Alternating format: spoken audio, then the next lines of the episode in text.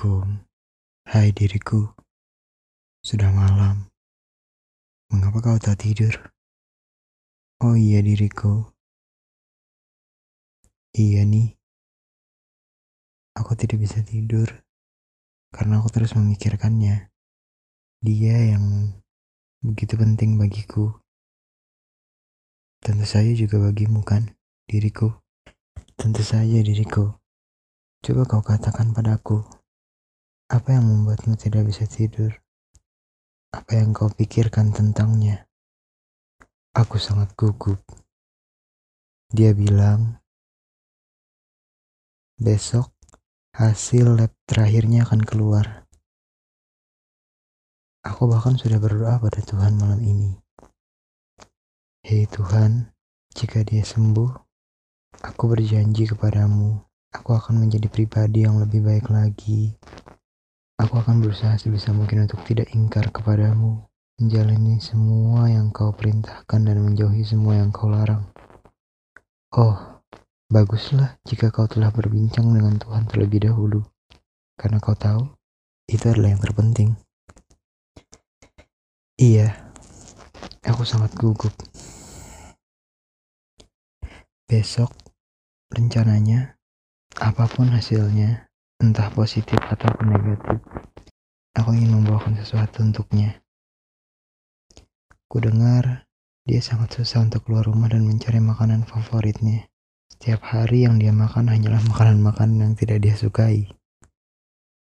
Tapi mungkin sekarang dia akan menyukai makanan itu. Dia sangat tidak suka memakan sayuran, tapi dia mulai menyukai sayuran.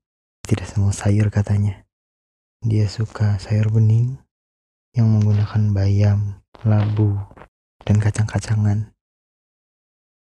Oh, dia juga suka sup katanya. Tapi kau tahu, sup yang dia buat hanya menggunakan wortel dan tulangan ayam sebagai kaldunya. Aku sempat tertawa mendengarnya, tapi itu hal yang bagus. Dia bilang Besok hasilnya akan keluar sekitar tengah hari. Jadi kupikir aku akan membawakan makanan yang dia suka. Mungkin juga minuman.